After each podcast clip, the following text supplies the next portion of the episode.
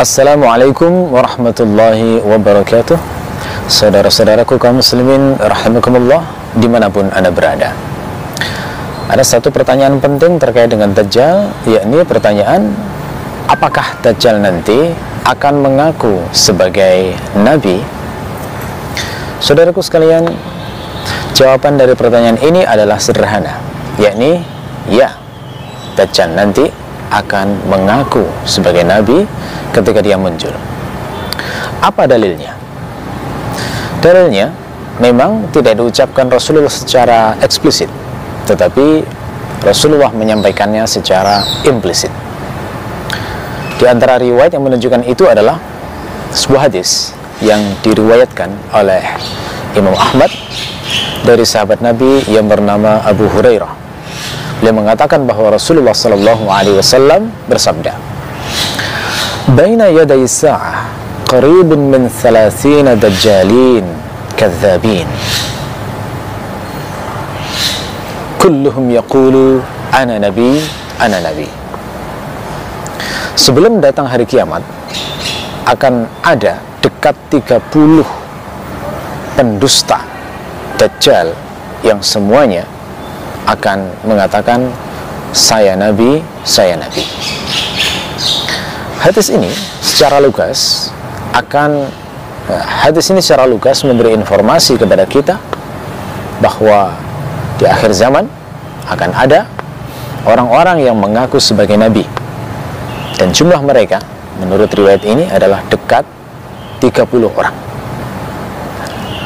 Nah, hadis yang semacam ini kalau kita kaitkan dengan riwayat lain dalam Imam Ahmad, maka kita akan menemukan hubungannya dengan Dajjal. Di mana dalam salah satu riwayat disebutkan Rasulullah bersabda wa innahu wallahi la taqumu sa'ah hatta yakhruja thalathuna kadzaban akhiruhum al-a'waru dajjal. Sungguh demi Allah kata Nabi tidak akan datang hari kiamat sampai keluar 30 pendusta. Yang terakhir di antara mereka adalah Al-A'war Dajjal si buta sebelah si Dajjal. Dalam hadis ini dikatakan 30 pendusta itu yang terakhir adalah Dajjal. Dengan menggabungkan dua riwayat ini yang pertama disebut Nabi 30 pendusta itu akan mengaku sebagai Nabi.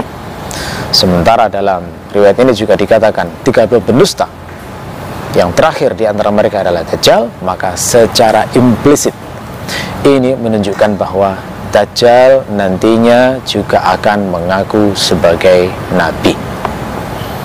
Oleh karena itu, tidak heran Ibnu Katsir dalam kitabnya An-Nihaya fil Fitan wal Malahim menegaskan kesimpulan ini. Beliau mengatakan bahwa Dajjal nanti ketika muncul akan melewati sejumlah tahap-tahapan dalam hal pengakuan. Ibnu Katsir menulis dalam kitabnya فيظهر أولا في صورة ملك من ال... في صورة ملك من الملوك الجبابرة ثم يدعي النبوة ثم يدعي الربوبية Pertama-tama Dajjal ini akan muncul dalam bentuk dalam dalam rupa, dalam tampilan seorang raja di antara raja-raja diktator. Setelah itu dia akan mengaku nabi, lalu terakhir dia akan mengaku sebagai Tuhan. Jadi berdasarkan ucapan seorang ahli hadis ini Ibnu Katsir yang tentu beliau kajiannya akan lebih dalam dan lebih luas daripada dua riwayat yang saya sampaikan tadi kita bisa menegaskan bahwa Dajjal nanti ketika muncul akan mengaku sebagai nabi ini patut mendapat perhatian kita saudara-saudaraku sekalian mengapa?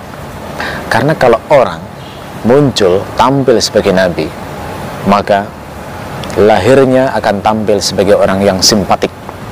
Karena orang yang mengaku sebagai nabi biasanya akan tampil sebagai orang yang suci tampil sebagai orang yang patut diteladani tampil sebagai orang yang harismatik dan semisal dengan itu. Nah, Dajjal akan muncul seperti itu. Karena itu dalam serial-serial video sebelumnya saya sampaikan bahwa mempersepsikan Dajjal sebagai sosok yang kejam, pembunuh, buas, penumpah darah itu tidak tepat dan berbahaya karena bisa membuat orang itu salah paham dalam mengidentifikasi si Dajjal itu. Dajjal akan mengaku sebagai nabi. Jadi bisa kita bayangkan ketika dia muncul justru yang logis adalah tampil sebagai orang suci. Tampil seakan-akan seperti orang saleh.